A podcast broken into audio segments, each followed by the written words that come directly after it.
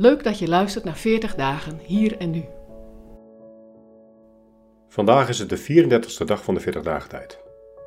Je luistert naar een bijdrage van Alain Verheij. Alain is theoloog, spreker en schrijver van het recent verschenen boek Ode aan de Verliezer.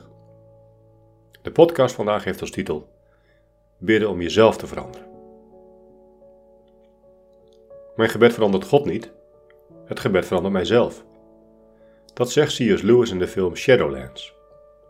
Ik heb er altijd onthouden en vind het een waardevolle manier van omdenken. Bidden betekent niet dat je een lijstje verzoeken op het prikbord prikt, in de vage hoop dat God er in de hemel eens naar zal kijken. Bidden betekent je openstellen voor de goede dingen waarmee God al lang bezig is en met die flow meebewegen. Toen ik als student een paar jaar stopte met bidden, ontdekte ik dat er weinig inspirerende rituelen voor mijn gebed in de plaats kwamen. Ik ging slapen met mijn iPhone naast mijn hoofdkussen en telde het aantal ongelezen e-mails of mijn Facebook-likes zodra ik wakker werd.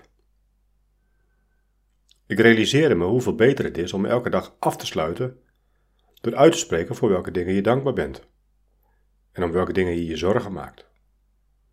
Dus begon ik dat weer te doen. En daarnaast besloot ik elke ochtend hardop uit te spreken dat ik me voornam om die dag in geloof, hoop en liefde door te brengen. En dat ik hoopte dat me dat zou lukken. Zo'n begin van je dag is een stuk heilzamer dan al het onrustige gescroll door je sociale media.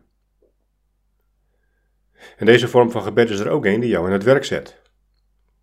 Want als je zo'n voornemen uitspreekt, dan moet je er ook iets mee doen. Dit geldt ook voor veel van de wensen die in mijn gebeden voorkomen. Als ik bid om vrede, moet ik mezelf vrede gedragen. En als ik bid voor een eenzaam familielid, dan moet ik dat familielid zelf ook mijn aandacht geven.